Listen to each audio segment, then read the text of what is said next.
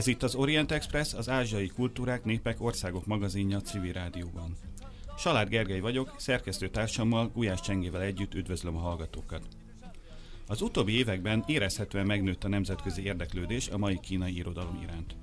A magyarul is elérhető kínai alkotások száma is örvendetesen emelkedik, ma már csak nem minden könyvfesztiválra és könyvhétre megjelenik egy-két kortás mű. A kínai állam felismerte az irodalom népszerűsítésének, a fordítások támogatásának fontosságát, és a magyar kiadók sem ijednek már meg egy-egy kínai névtől. A kínai irodalom megismertetéséhez persze szükség van olyan műfordítókra is, akik egész életüket erre a feladatra tették fel. Az Orient Express mai adásának vendége egy ilyen sinológus műfordító, Zombori Klára, a Magyar-Kínai Baráti Társaság elnöke, aki számos kortás kínai regényt és novellát ültetett át magyarra. A következő egy órában a kínai irodalomról, annak magyarul megjelent alkotásairól és a műfordítás nehézségeiről fogunk beszélgetni. Felhívjuk hallgatóink figyelmét, hogy az Orient Express adásai nem csak a civil rádióban hallgathatók, hanem az interneten is, az expressorient.blog.hu oldalon, továbbá a Soundcloudon, az iTunes-on és a különböző podcast alkalmazásokban, ahol az Orient Express névre érdemes rákeresni. Szeretettel köszöntjük tehát a stúdióban Zombori Klára sinológus műfordítót, a mai kínai magyar műfordítók talán legaktívabbját. Az első kérdésem az lenne, hogy egyáltalán az a modern irodalom, amit te fordítasz, vagy annak az előzménye, amik a kortás irodalomnak a, a, az előzménye, ami már nem klasszikus kínai nyelven született, az mikor jelent meg Kínában és miért? Köszöntöm én is a hallgatókat, és köszönöm szépen a meghívást. Ez is egy nagyon jó és ritka alkalom, hogy a kortárs irodalom népszerűsítését tehetünk valamit. Ugye kortárs irodalom, kortárs irodalomról valójában a 49 után megjelent irodalmi alkotások esetében beszélhetünk. 49 után 30 uh, jelentek meg rendes irodalmi alkotások? Uh, erre, erre is még, még vissza fogok térni. Tehát, hogy hivatalosan ugye itt van egy korszakhatár, de ugye, mint említette uh, Gergely, uh, tehát a modern irodalom lényeg lényegében ennél sokkal korábban már megjelent, tehát a, a 20. század 20-as éveire tehetjük a modern irodalom kialakulását. Hogyha konkrétan szeretnénk egy eseményhez kapcsolni, ez az 1919-es május 4-e mozgalom, tehát ez különböző társadalmi, politikai együttállásnak volt a velejárója, hogy az irodalmi nyelvnek, az irodalomnak is meg kellett újulnia. Ez sokszor irodalmi reformnak, irodalmi forradalomnak is nevezik, mert a, korábbi klasszikus irodalomhoz képest annyival másabb jellegű és más nyelven íródott művek jelentek meg, hogy lényegében szinte teljesen szakítottak a több ezer éves klasszikus kínai irodalmi hagyományjal. Miről is beszélek? Tehát ugye a klasszikus kínai irodalmi nyelv az egy olyan írott nyelv volt, ami az átlagember számára tulajdonképpen még ha fel is olvasták neki, nem minden esetben volt értelmezhető, de az írás tudók és olvasók száma meglehetősen elenyésző volt, mivel a klasszikus kínai nyelv olyan szinten tért el a hétköznapi beszélt nyelvtől, hogy hogy egy átlagember nem tudta befogadni az irodalmi alkotásokat. Tehát ugye itt a császárság vége felé már egy olyan fiatal nemzedék nevelődött ki, akik már külföldön tanultak, létrejöttek az első komolyabb egyetemek, tehát modern értelembe vett egyetemek, tehát itt megnőtt az igény arra, hogy hogy olyan irodalmi alkotások szülessenek, ami a szélesebb néptömegekhez is eljut, a, az átlagemberhez is. És így jött létre aztán a pályhuá, tehát a beszélt nyelvnek a forradalma. E, ezt követően az írók elkezdtek e, ezen a nyelven alkotni. Egyik legjelentősebb alkotás például Lusünnek az Egy őrült naplója, ami magyarul is különben elérhető. Ezek tehát már ilyen nyugati stílusokat, nyugati műfajokat követő alkotások voltak, amik ugye az 1920-as évektől megjelentek. Igen, itt már nagyon erőteljes volt a nyugati hatás is, illetve hát a, természetesen nem csak a nyelv újult meg, hanem a témák is, tehát sokkal inkább a hétköznapi emberekről szóltak már ezek az alkotások és éppen ezért sokkal több olvasó érezhette a magáénak. Felvetettük, hogy ugye 49 után már nem modern, hanem inkább kortás irodalomról beszélhetünk, de hát ugye 49-ben a kínai kommunista párt átvette a hatalmat Kínában, és az, az a Mao Zedong vezette párt, ez nem arról volt híres, hogy nagyon hagyná, hogy virágozzék száz virág versenyen száz iskola, ugye a jelszavak ellenére. Tehát a 49-es hatalom, kommunista hatalom átvétel után létezhetett egy, hogy úgy mondjam, normális irodalom, ilyen szociálom meg ilyesmiken kívül? Hát lényegében a 49 valóban egy nagyon nagy váltás volt, tehát ezt követően az irodalmi alkotásoknak a pártot, a néptömegeket kellett szolgálnia, tehát ilyen értelemben azért abban az időszakban nagyon elvétve lehetett csak találkozni magas irodalmi alkotásokkal, de azért még 66-ig, tehát ugye a kulturális forradalom elejéig azért még jelentek meg a nagyon sematikus szociál írásokon kívül más művek is, 66 és 76 között, amire szerintem a beszélgetés során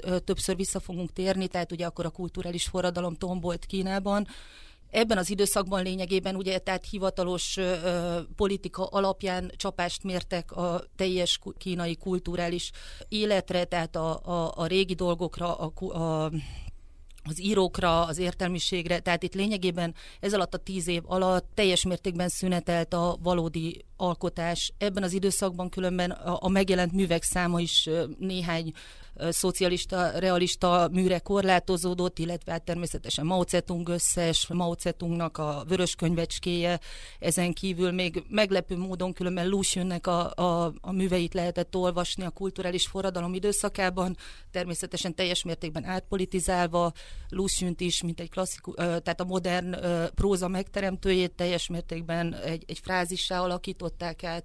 Erről különben nagyon érdekes írása van többek között Juhának is a kínati szóban című eszékötetében. No, arról majd beszélünk a könyvről.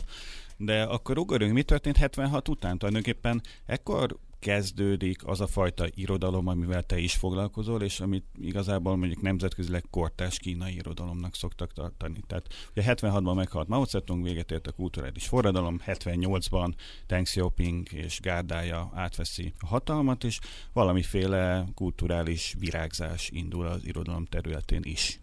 Igen, ez teljesen így van, tehát pontosabban azért ez ugye nem rögtön 76-ban, hanem ott azért szükség volt néhány évre, tehát a 80-as évek... A munkatáborokból hazaértek a írók, Például igen, illetve hát ugye szükség volt a már korábban lefordított klasszikus művek, klasszikus európai és, és amerikai műveknek az újrakiadására, szükség volt arra, hogy Kína is ismét elkezdjen foglalkozni a saját kultúrájával. Igazából a kortárs kínai irodalom az ugye 80-as évek elején kezdett el virágozni, tehát közvetlenül a kulturális forradalom után jelentek ugyan megírások, ezt szokták összefoglaló néven a sebek vagy hegek irodalmának nevezni. Ezek az írások már a legtöbbje a kulturális forradalomnak a borzalmaival foglalkozik, a családok, a személynek a, a, a tortúráival, megpróbáltatásaival, személyes tragédiáival, Természetesen, mivel hogy nagyon közel volt még a kulturális forradalom, ezért ezek a művek azért meglehetősen óvatosak, leginkább nem lépnek túl a, a eseményeknek a puszta ecsetelésénél. Persze föltesznek azért alapvető kérdéseket, hogy hogy történt ez, miért történt ez velünk, de azért alapvetően ezek leíró jellegű művek, amivel egyfajta társadalmi frusztrációt írtak, vagy társadalmi frusztráció került a felszínre, tehát nagyon sok író ilyenkor megírta a saját közvetlen környezetének a kulturális forradalommal kapcsolatos történetét. És ezek a történetek legtöbbször különben azért happy end tehát vidám véget érnek, tehát hogy igaz, hogy milyen borzasztó volt ez a tíz év, de a jövő és a többi azért az, az nagyon pozitív.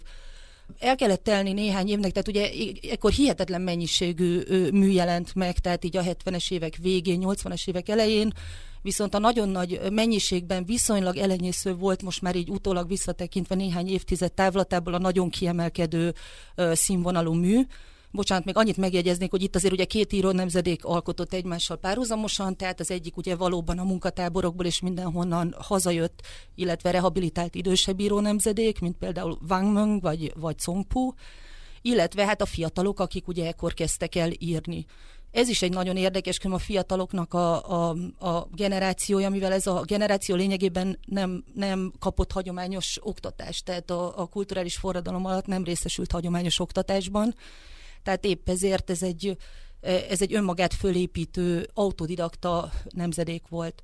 Tehát megjelent ez a rengeteg mennyiségű mű, ez a sebek, hegek irodalma, ide, ide sorolják azért még ehhez a, a, a vidékre küldött értelmiségi vagy tanult fiataloknak az irodalmát, a reformirodalmat, tehát amik, amik ezek így a körülöttünk lévő, kínaiak körül lévő világot írták le. Viszont egy idő után egy kicsit csökkent a lelkesedés, tehát az írók elkezdtek különböző irányokba elindulni. Ilyen több irányzatot sorolnék föl, tehát az egyik például a gyökérkeresők irányzata, a másik az avantgárdnak nevezett irányzat, illetve az új realizmus, vagy neorealizmusnak is szokták hívni. A gyökérkeresőknek az egyik legjelentősebb képviselője Móján, aki ugye Nobel-díjat kapott. Igen, aki 2012-ben igen, Nobel-díjat kapott, tehát ő a gyökérkeresésnek ugye az volt a lényege, hogy, hogy a, az írók elindultak vidékre, elindultak távoli peremvidékekre, tulajdonképpen a saját identitásukat keresték, tehát ugye a tíz év zűrzavara és borzalmai után úgy gondolták, hogy az ősi kultúrában a, ezt úgy kell érteni, hogy az ilyen peremvidéken lévő sámánizmus, egyszerű halász, halászóknak, az, tehát hogy mindenféle vidéki területen keresték a, a kínai kultúrának a maradványait. Az az igazság, hogy ezek a művek ellentétben a, a, a, az előbb említett happy end ezek eléggé negatív hangvételű művek, tehát itt általában elég negatív az, amit találtak. Tehát ugye keresték a választ arra, hogy hogy történhetett meg ez a tíz év, hogy, hogy ide torkolott a, a, a kínai politika és kultúrpolitika, de igazából vidéken is eléggé csökevényekre, elmaradott dolgokra találtak. Avantgard? Igen, hát az avantgard, igen, ez, ez a kérdés, ez, tehát tulajdonképpen ez a számomra a legizgalmasabb, máig legizgalmasabb időszaka Kínának, tehát ebben az időben, tehát ugye a 80-as évek végéről beszélünk, már, már nagyon sok fordítási irodalom megjelent Kínában.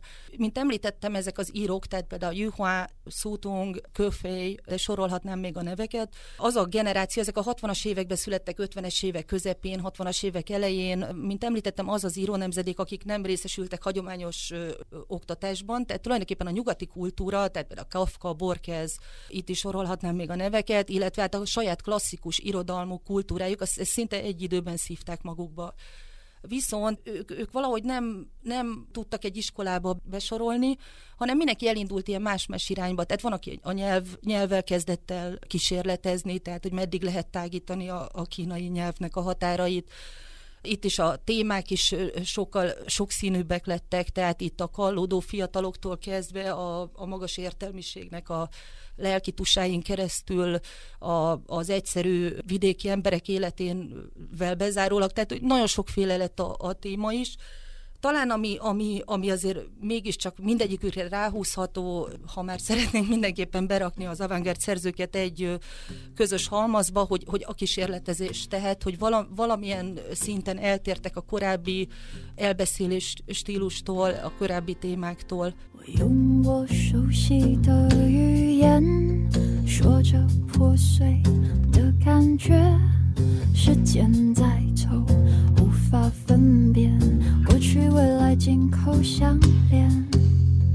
关于爱复杂的观点，每个立场怎么都正确，无法巩固我的防卫，摧毁。牵绊怎么放不开？是否是自己不给自己自由？心结怎么解？做的需要时间慢慢来，那危险怎么躲不开？是不愿看见，是闭着双眼。希望怎么也不在我，只好对自己说。对不起，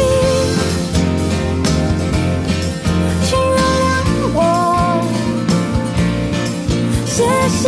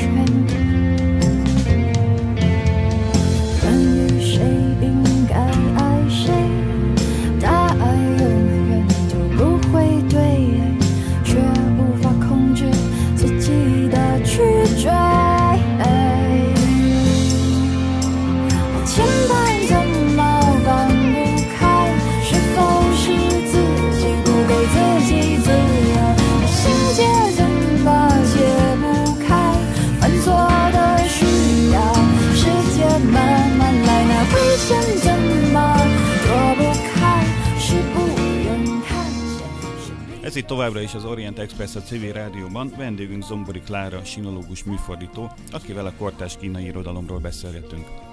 Az en előtt ott tartottunk, hogy a 80-as években megjelent az, amit igazán kortás irodalomnak nevezhetünk. Különböző iskolái voltak, sebekirodalma, gyökérkeresők, avantgárd, a, még az új realizmust említetted, amiről nem beszéltünk. Ezt mi jellemzi? Az új realizmus körülbelül az avantgárddal egy időben jelent meg, egyik legjelesebb képviselője Liu Jianyun, uh, Liu Hang és Fang Fang Chöli, de természetesen itt is uh, sorolhatnám még a neveket. Ennek a a, az új realizmusnak az a lényege, hogy szakít a, a, tehát, hogy szakít a korábbi sematikus, realista ábráz, ábrázolással, tehát realista a maga módján, de, de, de már nem ez a nagyon sémákban gondolkodó, tehát valódi szereplőkkel, valódi karakterekkel dolgoznak. Általában a, az átlagembernek az életét jelenítették meg, tehát egy bosszantó nap, vagy egy, egy, egy munkahelyi konfliktus, az nagyon nagy értéke, hogy ennek az időszaknak, tehát a 80-as éveknek, 90-es évek elejének egy nagyon jó korrajza. Tehát tulajdonképpen itt egy lenyomatot kapunk a mindennapi ember életéből, tehát hogy a, a reformok mennyire változtatták meg az életét, mennyire volt pozitív számára, hogyan pozitívan élte meg a reformoknak a, a, a személyes életére való hatását, illetve negatívan. Tehát egy nagyon jó korrajzot kapunk ezekből az írásokból.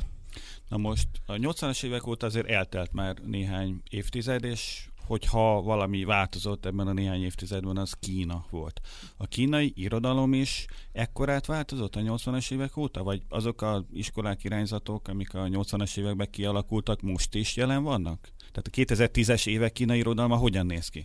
Igen, hát ez egy jó kérdés. Ugye mindig nagyon óvatosan válaszolok erre a kérdésre, mert ugye Magyarországról elég nehéz egy ekkora országnak a, az irodalmát követni, és felelősségteljesen azt mondani, hogy igen, én tudom, hogy, hogy mi zajlik Kínában. Hát elképesztő, hogy mi zajlik. Tehát egyrészt tehát az irányzatok így már ö, nem igazán meghatá- tehát a, a szerzőket már nem lehet ilyen szinten irányzatokba sorolni. A szerzők, akik akkor tűntek föl a kulturális forradalom után, lényegében ma is írnak, tehát a nagy részük ma is ír. A, nyilván ez a, a, az avantgárd irányzat például nagyon nagyokat alkotott, de egy idő után egy kicsit kifulladt, tehát kezdett mesterkélté nagyon erőltetetté válni, tehát ezek a szerzők leginkább áttértek regényekre, egy kicsit a sztorira helyezték a hangsúlyt, a, a szerkezet, illetve a, a nyelvi újítások helyett de hogy mit olvasnak most? Tehát ugye Kínában ö, hihetetlen mennyiségű és, és műfajú ö, dolgot lehet kapni, tehát egyrészt ugye egy, egy, a korunknak egy jelensége például a, az internetes irodalom, tehát ezeket a, ezek a szerzők, ö, ezek a legnagyobb példányszámban olvasott könyvek, nem mondanám, hogy ezek a tehát internetes leg, irodalmat könyvben kiadnak? Sokat kiadnak utána, a legtöbb az úgy működött, hogy tehát hogy interneten hihetetlen, vagy blogokon nagyon nagy rajongótáborra, vagy olvasótáborra tesz szert egy-egy szerző, és, és akkor ezeket folytatásokban adják pénzért ingyen, tehát mikor, hogy, és a legsikeresebbeket igen könyvben is kihozzák. Ennek egyik példája különben magyarul is olvasható Zhang a, a könyve, amit a Libri kihozott, ezek általában egy mai életérzést, egy kicsit ilyen könnyedebb műfaj, kicsit filozofálgató, de azért nem lehet azt mondani, hogy egy, hat, egy nagyon megszerkesztett, nagyon magas irodalmi igényeket kielégítő műfaj volna, viszont nagyon nagy a hatása, tehát ez, ez, ez kétségtelen. A magas irodalom az, az ugye ennél már lényegesen kényesebb kérdés, tehát a korábban említett szerzők, tehát például Juhá Szútunk a mai napig alkot, ír, és, na, és ők is szintén nagyon népszerűek, tehát mondjuk ezeknek a szerzőknek hihetetlen méretű olvasótábora van. Tehát... Ez mit jelent a hihetetlen méret? Milliós, tízmilliós, százezres, tízezres, százmilliós? Igen, hát ez jó kérdés. Egy, egy konkrét példát tudok, tehát Juhának, ugye, aki végigvezeti még mindig kínai szerzőként az eladási listákat, tehát szép irodalomban tulajdonképpen mindig ő van az első helyeken, utána következik aztán a, a három test probléma, a Skifi szerző Liu a könyve. Tehát Juhának például a könyvét összesen, annyit tudok, azt már 10 millió példányban adták el, ami hát számunkra felfoghatatlan, mert ugye ez olyan, mint hogyha minden magyar kezébe jutna egy könyv Juhá leghíresebb regényéből. És kik olvasnak? Van arra arra vonatkozóan valamiféle felmérés vagy tapasztalat, hogy, hogy ki az, aki Kínában könyvet vesz a kezébe, és egyáltalán mekkora az irodalomnak a súlya? Tehát mikor az 1920-as években Lu Xun mondott vagy írt valamit, annak volt súlya, volt jelentősége. De most még van ilyen jellegű társadalmi vagy akár politikai szerepe az irodalomnak? Ugye ez egy nagyon kényes kérdés Kínában még mindig, hogy az író az mennyire közszereplő, mennyire politikai szószóló. Nyilván az irodalomnak egy szűk körre, mint mindig is, nagyon-nagyon komoly hatása van. Tehát ilyenek ugye az értelmiségi körök, az, az egyetemisták. Állítólag Kínában különben Persze ezek ilyen ö, különféle felmérések, tehát sokan olvasnak, tehát azt állítják, hogy, hogy a, a lakosság fele rendszeres ol, olvasó legyen ez bármi is ami azért egy hatalmas szám, de hát nyilván itt azért elsősorban ezek a harcművészeti vusjá regényekre kell gondolni, különböző romantikus dolgokra, ha most irodalomról beszélünk. Legnagyobb példányszámban különben ilyen társadalomtudományi könyvek fogynak Kínában, tehát ez az állandó önfejlesztés ugye reflektálás a mai eseményeire, tehát ezért nem szép irodalmat olvasnak legnagyobb számban de, de én azt gondolom, hogy, hogy egy bizonyos körre nagyon nagy, tehát egy-egy nevesebb szerzőnek a, a, a könyvének a megjelenését az nagyon nagy várakozás előzi meg, tehát és, és igen, van szerepe, de, de ugyanakkor meg a kínai írók ugye azért nem a legnagyobb részük nyíltan nem politizál, tehát Molyent is sokat érte ez a támadás, ugye, hogy, hogy amikor már ilyen neves díjat kapott, hogy, hogy akkor, akkor neki a társadalmi problémákat is jobban kéne valahogy állást foglalni társadalmi problémák esetében. Én úgy gondolom, hogy a kínai szerzők egy, egy nagyon ügyes módszerrel a, a könyveikbe írják le azt, amit az egész, amit a világról, amit a világ folyásáról gondolnak. Milyen ma Kínában az állam és az irodalom kapcsolata? Az állam tilt, tűr, igen, pontosan így is, meg tehát erre egy, egy nagyon néha. pontos példát tudok most hozni, ugye Juhua, nagyon sokszor hangzik el Juhua, ezért elnézést kérek előre is, bár azt hiszem nem árt megjegyezni a nevét. Tehát Juhának ugye megjelent Magyarországon is a Kína tízszóban című regénye, Na most a Kína tíz szóban című regényt ö, ö, Kínában ugye nem lehetett kiadni, tehát ez a könyv Tajvanon jelent meg. Ennek ellenére erről a könyvről én egy kínai műfordítói konferencián hallottam 2012-ben, tehát tulajdonképpen azért beszélni lehetett róla. A másik, hogy ennek ellenére, vagy ezzel együtt, Juha a mai napig ugye az egyik legkurensebb kínai szerző, akit a kínai vezetés is nagyon szívesen ö, használja a személyét a, a kulturpolitika világon való elterjesztéséhez. Tehát egy ilyen nagyon-nagyon érzékeny és, és kényes kapcsolat van az állam és az irodalom között. Úgy tűnik, hogy mindent hagynak addig, amíg nincsen egy nyílt bírálata az írásban a jelen politikai kurzusnak. Tehát vannak ugye tabu témák, azokról nem lehet írni, de mivel van Hongkong, van Tajván, ezek a művek is azért megtalálják a, az utat az olvasókhoz az sokszor nem csak valamiféle marketing fogás, amikor így nyugati kiadásra ráírják, hogy Kínában betiltva? Hát megmondom őszintén, hogy igen, ezt, ezt, ezt nagyon szereti használni a, a marketing Európában. Juhának ez a könyve, ez valóban a mai napig nem jelent meg, tehát ez nem egy bezúzott könyvről van szó, tehát nem arról van szó, hogy, hogy ez Kínában megjelent, és utána nagyon botrányos körülmények között ezt a könyvet betiltották volna. Arról van szó, hogy itt egyfajta öncenzúrát, öncenzúrával Juha ezt a könyvet nem, adta, nem adatta ki Kínában. Vannak persze, hát természetesen vannak olyan könyvek, amik a mai napig nem jelenhetnek meg Kínában. Akkor beszéljünk erről az egy könyvről, Yuhua Kína 10 szóban, magvetőn jelent meg 2018-ban. Erről a könyvről mit érdemes tudni? A Kína Tiszóban Juhának egy eszékötete, és valójában nekem is az első kötet, ami hogy, hogy eszéket fordítottam volna. Mindenképpen nagyon nagy figyelmet érdemel ez a könyv, mert egy nagyon kurens és nagyon jótollú író beszél Kínáról, a mai viszonyokról.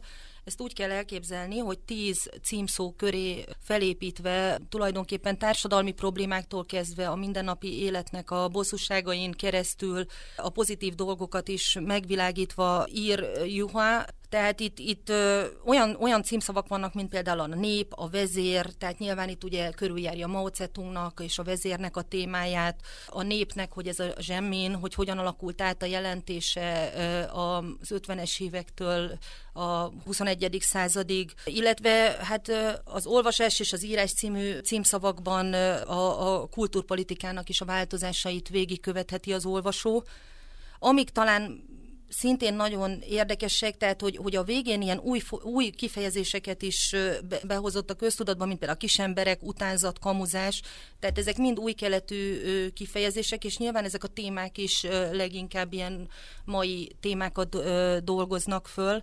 Juhár ötvözi a, a, a, a, az eszét a saját sztorizással, illetve internetről, interneten megtalált történetekkel. Egy végtelenül könnyed olvasmány, ami, ami a, nem a témáját tekintve könnyed olvasmány, hanem egy nagyon, nagyon jól megírt könyv, ami tényleg sodorja az olvasót, hogy olvasson tovább.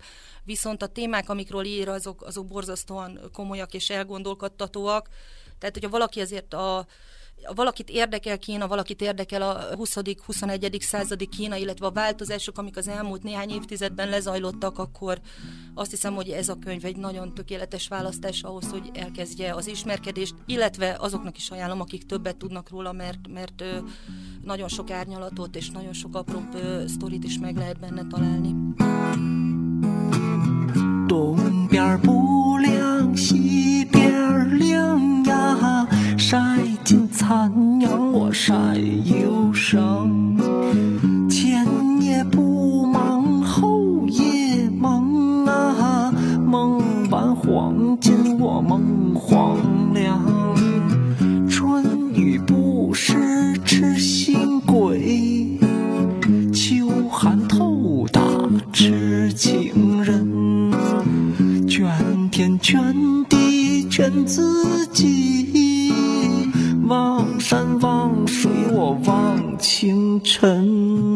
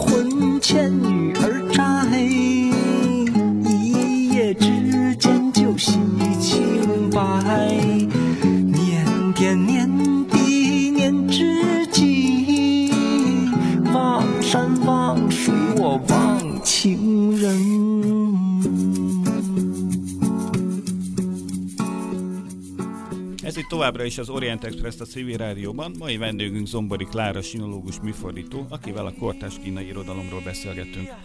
Beszéltünk Yuhuáról, aki úgy tűnik, hogy a személyes kedvenced, és így a, a publikációidat nézve tőle fordítottál talán a legtöbbet illetve említetted Mójánt, aki nem föltétlenül a, a legjobb kínai író, de mindenképpen a legismertebb annak köszönhetően, hogy ugye irodalmi Nobel-díjat nyert annak idején. Róla mit érdemes tudni? Móján irodalmi Nobel-díjat. Ugye tőle is fordítottál, a, a Békák című regényét te fordítottad magyarra. Igen, tehát Móján egy olyan Nobel-díjas szerző, aki, aki nagyon jó könyveket írt. Kettő ezek közül olvasható magyarul is, tehát a már említett Békák, illetve Kalmár Éva fordításában a Szeszföld. Mind a kettőt érdemes elolvasni, főleg azoknak, akiknek esetleg valamiféle két, kételje van, hogy, hogy Kínában nem jelenhetnek meg valódi tartalmú és nagyon igényes irodalmi alkotások. A békák egy szintén egy érdekes szerkezetű mű, mert tulajdonképpen egy, egy egy szülésznőnek, egy bábának a, az életét követi végig az 50-es évektől, ez is egészen a 90-es évekig, és a történetet ennek a bábának a, az unokaöccse írja meg, de tulajdonképpen úgy, hogy hosszú leveleket ír egy, egy, egy idősebb író kollégának és végül is azért gyűjti az anyagot a, a nénikéjéről, hogy a, a, a, ebből a végén megszülessen egy nagy mű, egy dráma, amit hát szintén el lehet olvasni a könyvnek a végén. A történet borzasztóan érdekes és borzasztóan kegyetlen, tehát ugye ez a hithű, modern szülészeti ismeretekkel megismerkedő nő, nénike, azt mutatja meg a regény, hogy ez, a, ez, a, ez a, az asszony, aki mindent abba tesz bele, hogy nagyon magas szinten üzze a hivatását, végül is a politikai kampányok és az ideológia hatására mennyire fanatikusan belecsúszik olyan dolgokba is, ami, ami hát ugye emberileg, etikailag már megkérdőjelezhető, tehát ez leginkább ugye az egyke politika mentén, a magzatelhajtások nagyon idős korban, stb. stb. Tehát ez egy ilyen borzasztóan érdekes történet, hogy, hogy mennyire egy emberben ugye megfér mind a két dolog, tehát hogy, hogy ő a munkáját az maximálisan pozitívan végzi, de, de ugyanakkor hát, mint említettem, azért, azért etikailag nagyon is megkérdőjelezhetők a, a, a cselekedetei. Nagyon szépen megírt regény, különben azt kell mondjam, hogy az egyik legnehezebb regény, amit fordítottam, annak ellenére, hogy Mójennek ez nem számít a nagyon nehéz nyelvezetű regényei közé. Nagyon-nagyon mívesek a mondatai, hosszú mondatokat szeret, rengeteg a leírás benne, illetve olyan nagyon szeret a különböző regiszterekkel is játszani, tehát hogy, hogy különböző stílusban beszélnek az emberek, különböző tehát és ezeket, hogy jól visszaadja az ember, azért a fordító, ahhoz azért kell némi türelem és, és, és hát odafigyelés, tehát ez, ez, ez, ez egy nagyon jó könyv, tehát ezt, ezt azért én mindenkinek nagyon jó szívvel ajánlom, akit, akit irodalmi megközelítésben érdekel, Kína történelme, de mindenkinek tudom ezt, ezt nagyon jó szívvel ajánlani.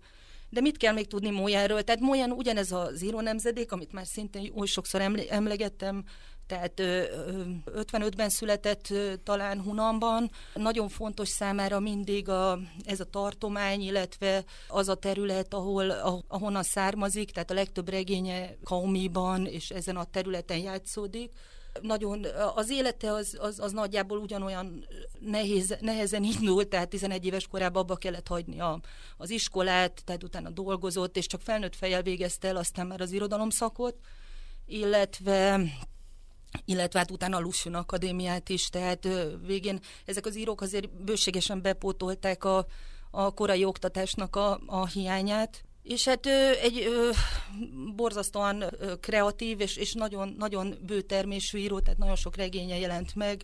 Miután megkapta a Nobel-díjat, különben ö, hihetetlen kultusz alakult ki a személye körül, tehát, hogy a, a, a szülőföldjén akkor ugye a leghíresebb regénye talán a Vörös Cirok nemzetsége, amiből Zhang Yimou egy, egy, egy több nemzetközi díjat is nyert filmet alkotott meg. Tehát egy hihetetlen kultusz alakult ki a személyek körül, meglátogatták ezt a nénikét, akiről a, a, a békáknak a főhősét mintázta, tehát megromozták a házát, cirokot kezdtek el termeszteni a szülőföldjén, és ebből ilyen különböző brendeket próbáltak ö, ö, létrehozni. Én egy néhány évvel ezelőtti írása maradt úgy nagyon meg bennem, tehát tulajdonképpen ő az az ember, aki alkotni szeret, és az alkotásain keresztül kommunikálni az emberekkel, tehát ő most már picit talán a sok cím és, és minden mellett most már szeretne újra, újraírni, de hát nyilván borzasztó nagyok az elvárások, és hát azért Kína számára ez a Nobel-díj, ez, ez nagyon fontos volt, mert azért azt lehet mondani, hogy ez az első Nobel-díj, amit, amit a, a kínai népköztársaság a magáénak tekint. Itt ugye az, azért említett, hogy a kínai népköztársaság, mert nyert már Nobel-díjat kínaiul író, kínai író, Kao Xinjian, csak ő ugye francia állampolgárként. Őre hogy tekintenek? Tehát Kao Xinjian mennyire elfogadják el saját írónak a kínaiak? Igen, pontosan erre céloztam, tehát hogy, hogy azért 2000-ben volt már ugye egy, egy kínai Nobel, de Xinjian már sok írását már különben franciául is írta, meg kell, hogy mondjam, a hivatalos diskurzusban nem esik nagyon szó Kao Xinjianről, tehát a korai kísérletező drámáival bent van a köztudatban, mármint az irodalmi, aki irodalmal foglalkozik, tehát tudnak róla, de a modern, tehát a későbbi regényeiről olyan sok szó nem esik. Említsük meg, hogy a Lélekhegy című Lélekhegy, nagy regénye magyarul is megjelent Kismarcel fordításában, és így nem van. egy rossz könyv egyébként. Így van, így van, így van. Idén eddig két regény fordításod jelent meg. Az egyik a már többször említett Yihua, ez talán néhány hete látott napvilágot. A, igen, a ez annyira friss, hogy még nem volt a kezemben, pontosabban csak könyvesboltban. Igen, még a hetedik nap ez a címe, benne. és a Helikonnál jelent meg. Ez, ez milyen könyv?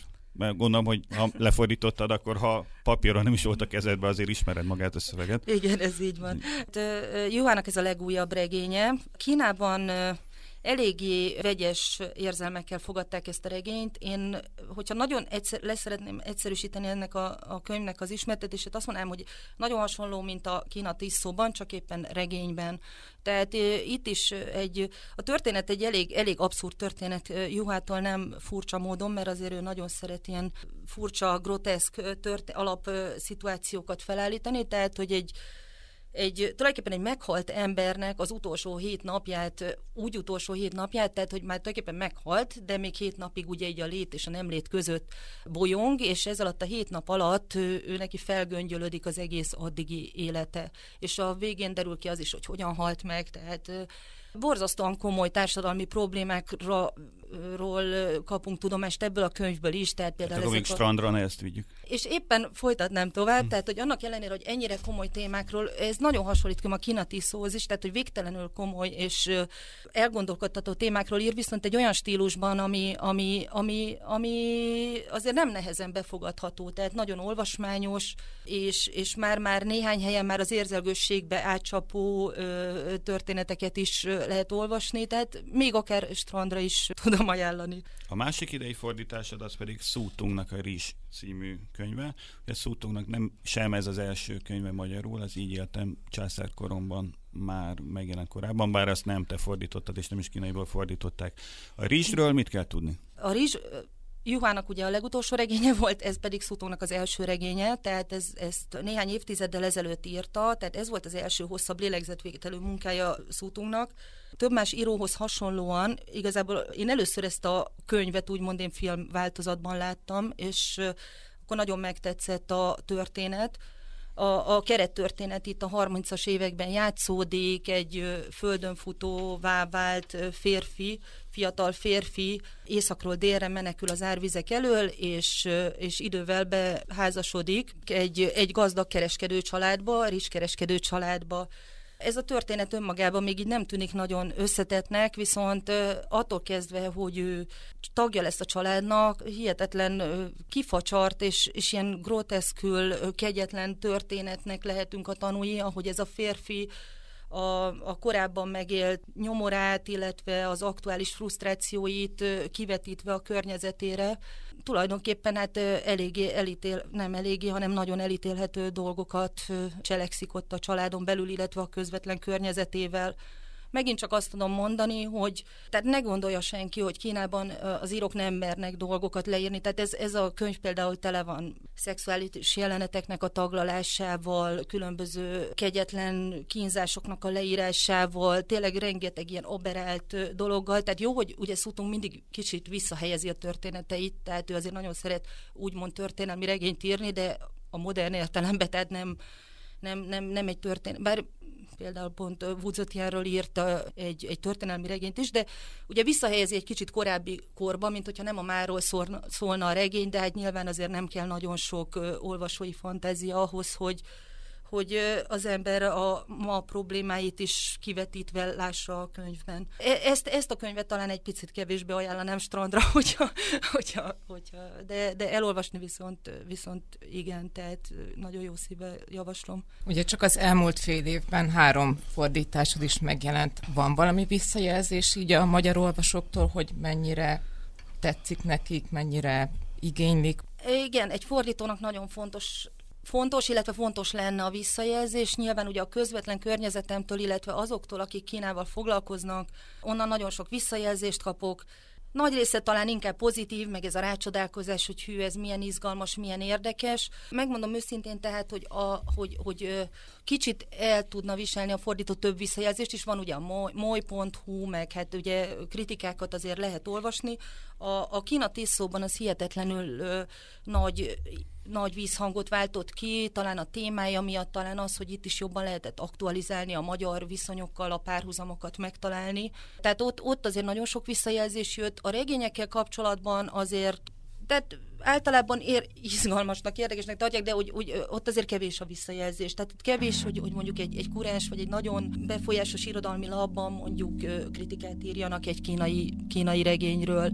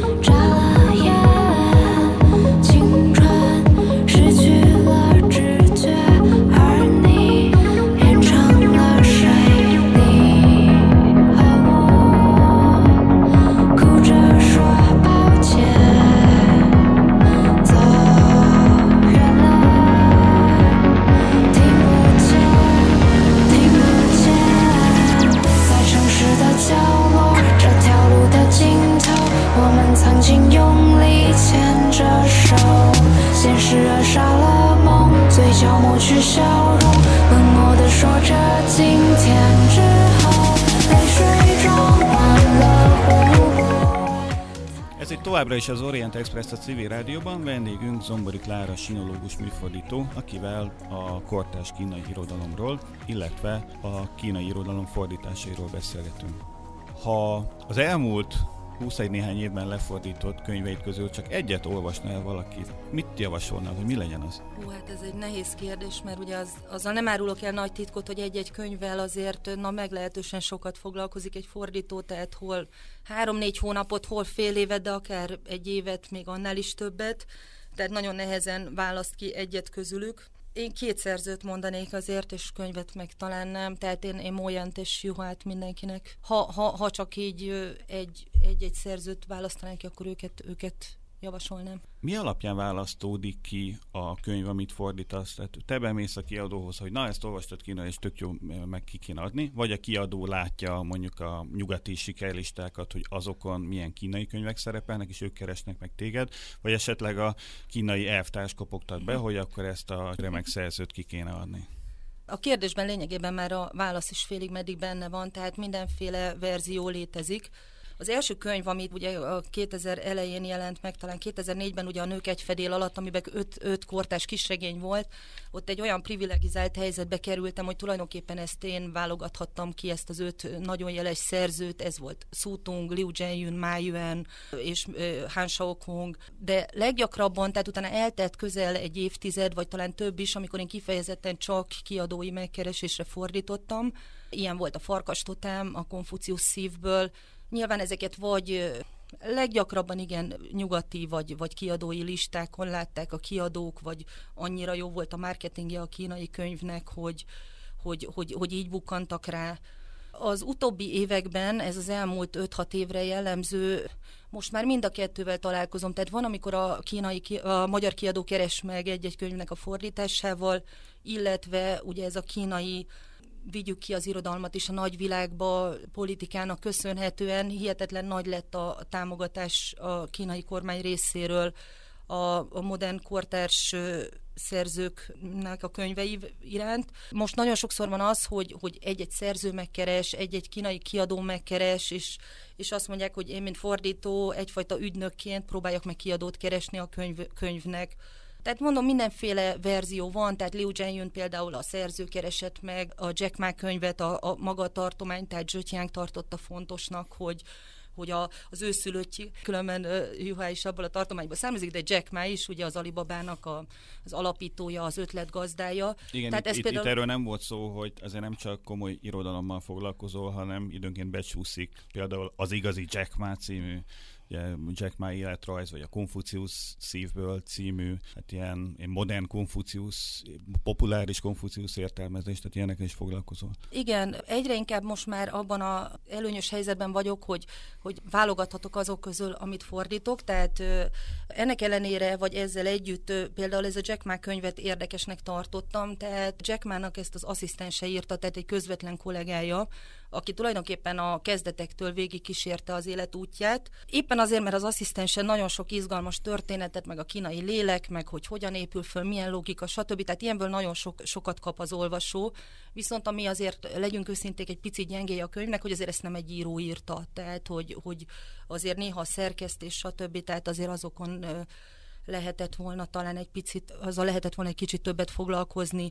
A Konfucius szívből pedig szintén azt mondom, hogy ezt megrendelésre fordítottam, de, de egy nagyon érdekes könyv. Tehát, hogy, hogy azért akárhogy is szépítjük, azért nem mindenki venne kezébe egy, egy tőkei fordítást, nem azért, mert a fordítás nem nagyon jó, vagy, vagy, vagy akár egy őri Sándor fordítást Konfucius Lunjújéből, Viszont, viszont ez, a, ez a könyv, ez egy előadás sorozatnak, egy tévében levetített előadás sorozatnak tulajdonképpen a könyv, könyv megfelelője, tehát a lejegyzett formája, de így viszont nagyon sok emberhez eljutott, egy kicsit igen, kicsit lebutított, kicsit sematizált, kicsit különböző frázisok egy-egy kifejezés közé, kö, köré felfűzött történet, amit, amit a szerzőnő, ezt, ezt, egy, ezt egy professzor asszony írta, a szerzőnő a saját élményeivel is kiegészített, hétköznapi történetekkel is kiegészített, tehát magából, de, de nyilván, hogy ez a könyv azért ugye ez a harmonikus társadalom, ez a, a amit most azért Kína ugye nagyon nagy erővel hirdet, tehát hogy, hogy ennek egy nagyon jó promóciós anyaga is, de ez most nagyon csúnyán megfogalmazva, mert a könyv érdekes és jó, és, és aki nem találkozott még Konfuciusszal, kap egy rálátást a, a, a filozófiájára.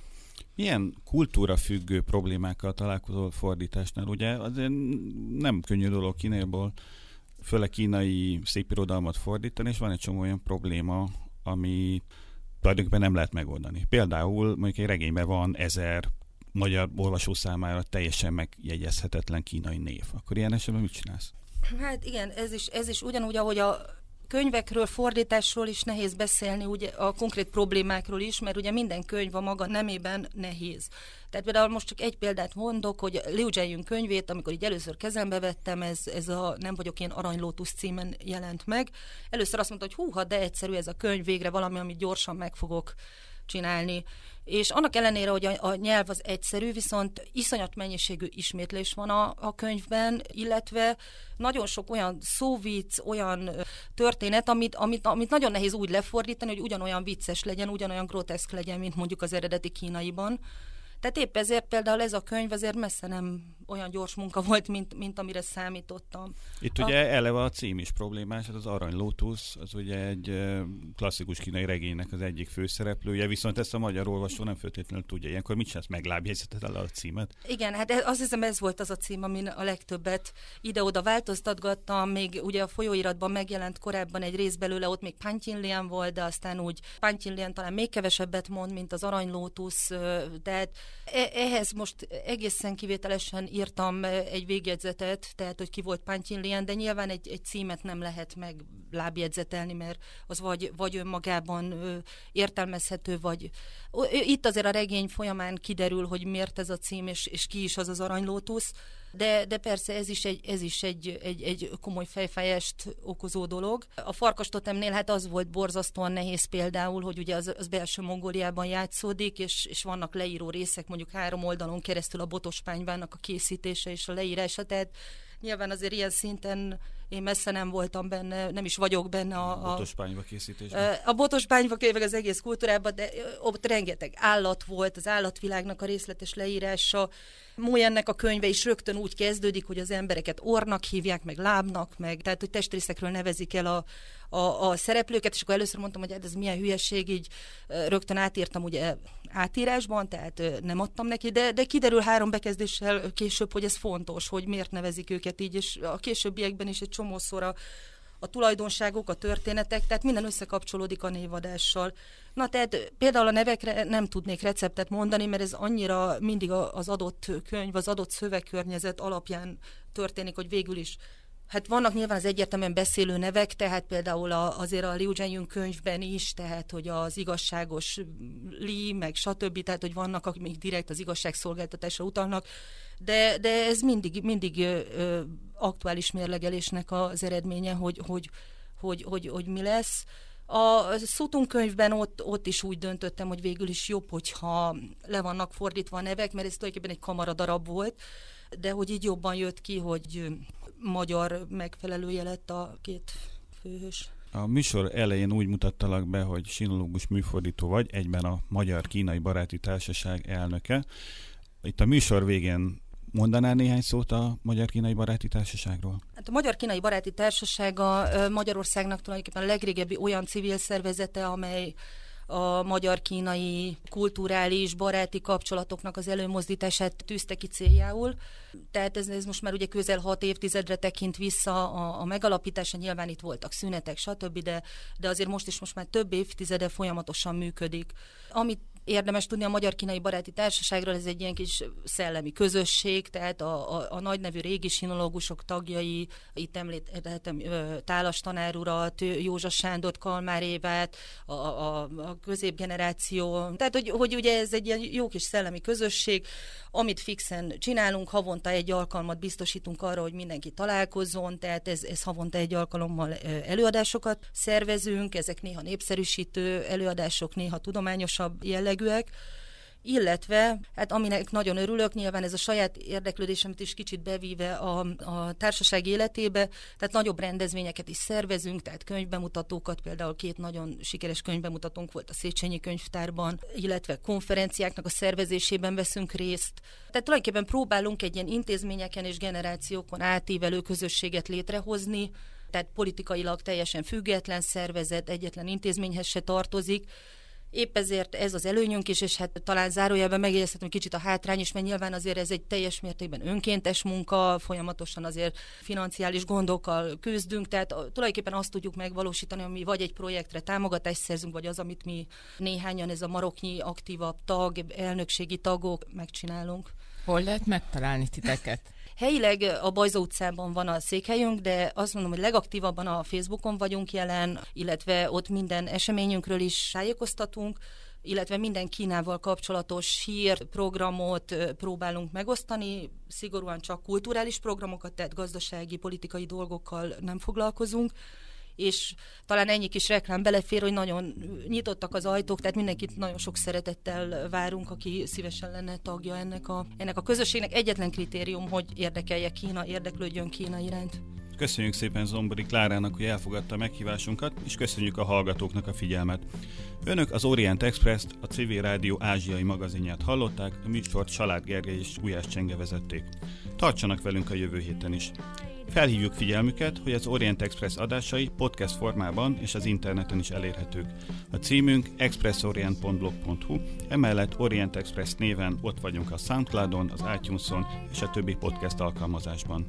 A Facebookon a Pázmány Péter Katolikus Egyetem Modern Kelet-Ázsia kutatócsoportjának oldalán lehet megtalálni az adásokat és készítőiket. A viszont hallásra!